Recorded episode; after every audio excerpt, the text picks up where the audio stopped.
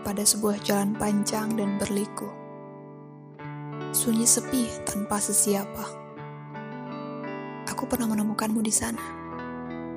Entah kau tersesat atau kau memang sedang ditakdirkan berada di sana. Lalu ku genggam tanganmu, kita jalan beriringan. Saling menuntun ke mana langkah kaki akan jejakan.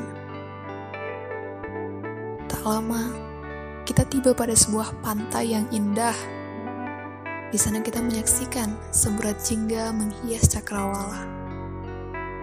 Senyum terulas di balik wajahmu yang anggun, sesekali menyapa para nelayan yang hendak melaut.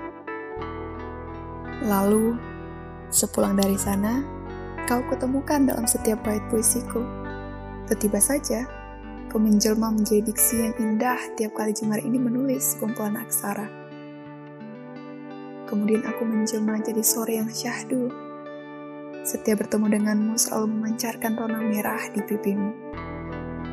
Waktu berjalan, menit, jam, hari, bulan berganti.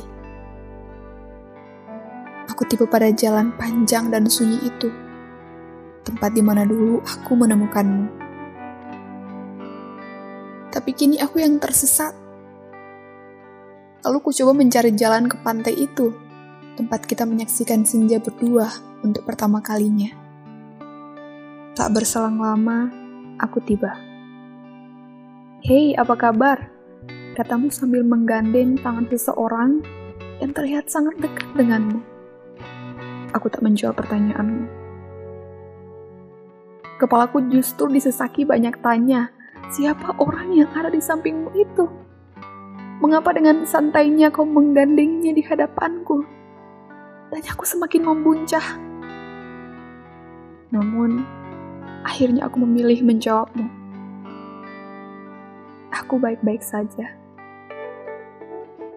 Setelah hari itu, kutemukan puisi-puisiku berceceran di atas kertas yang murung. Di beranda rumah, kutemukan diriku sedang memeluk bayang-bayangmu.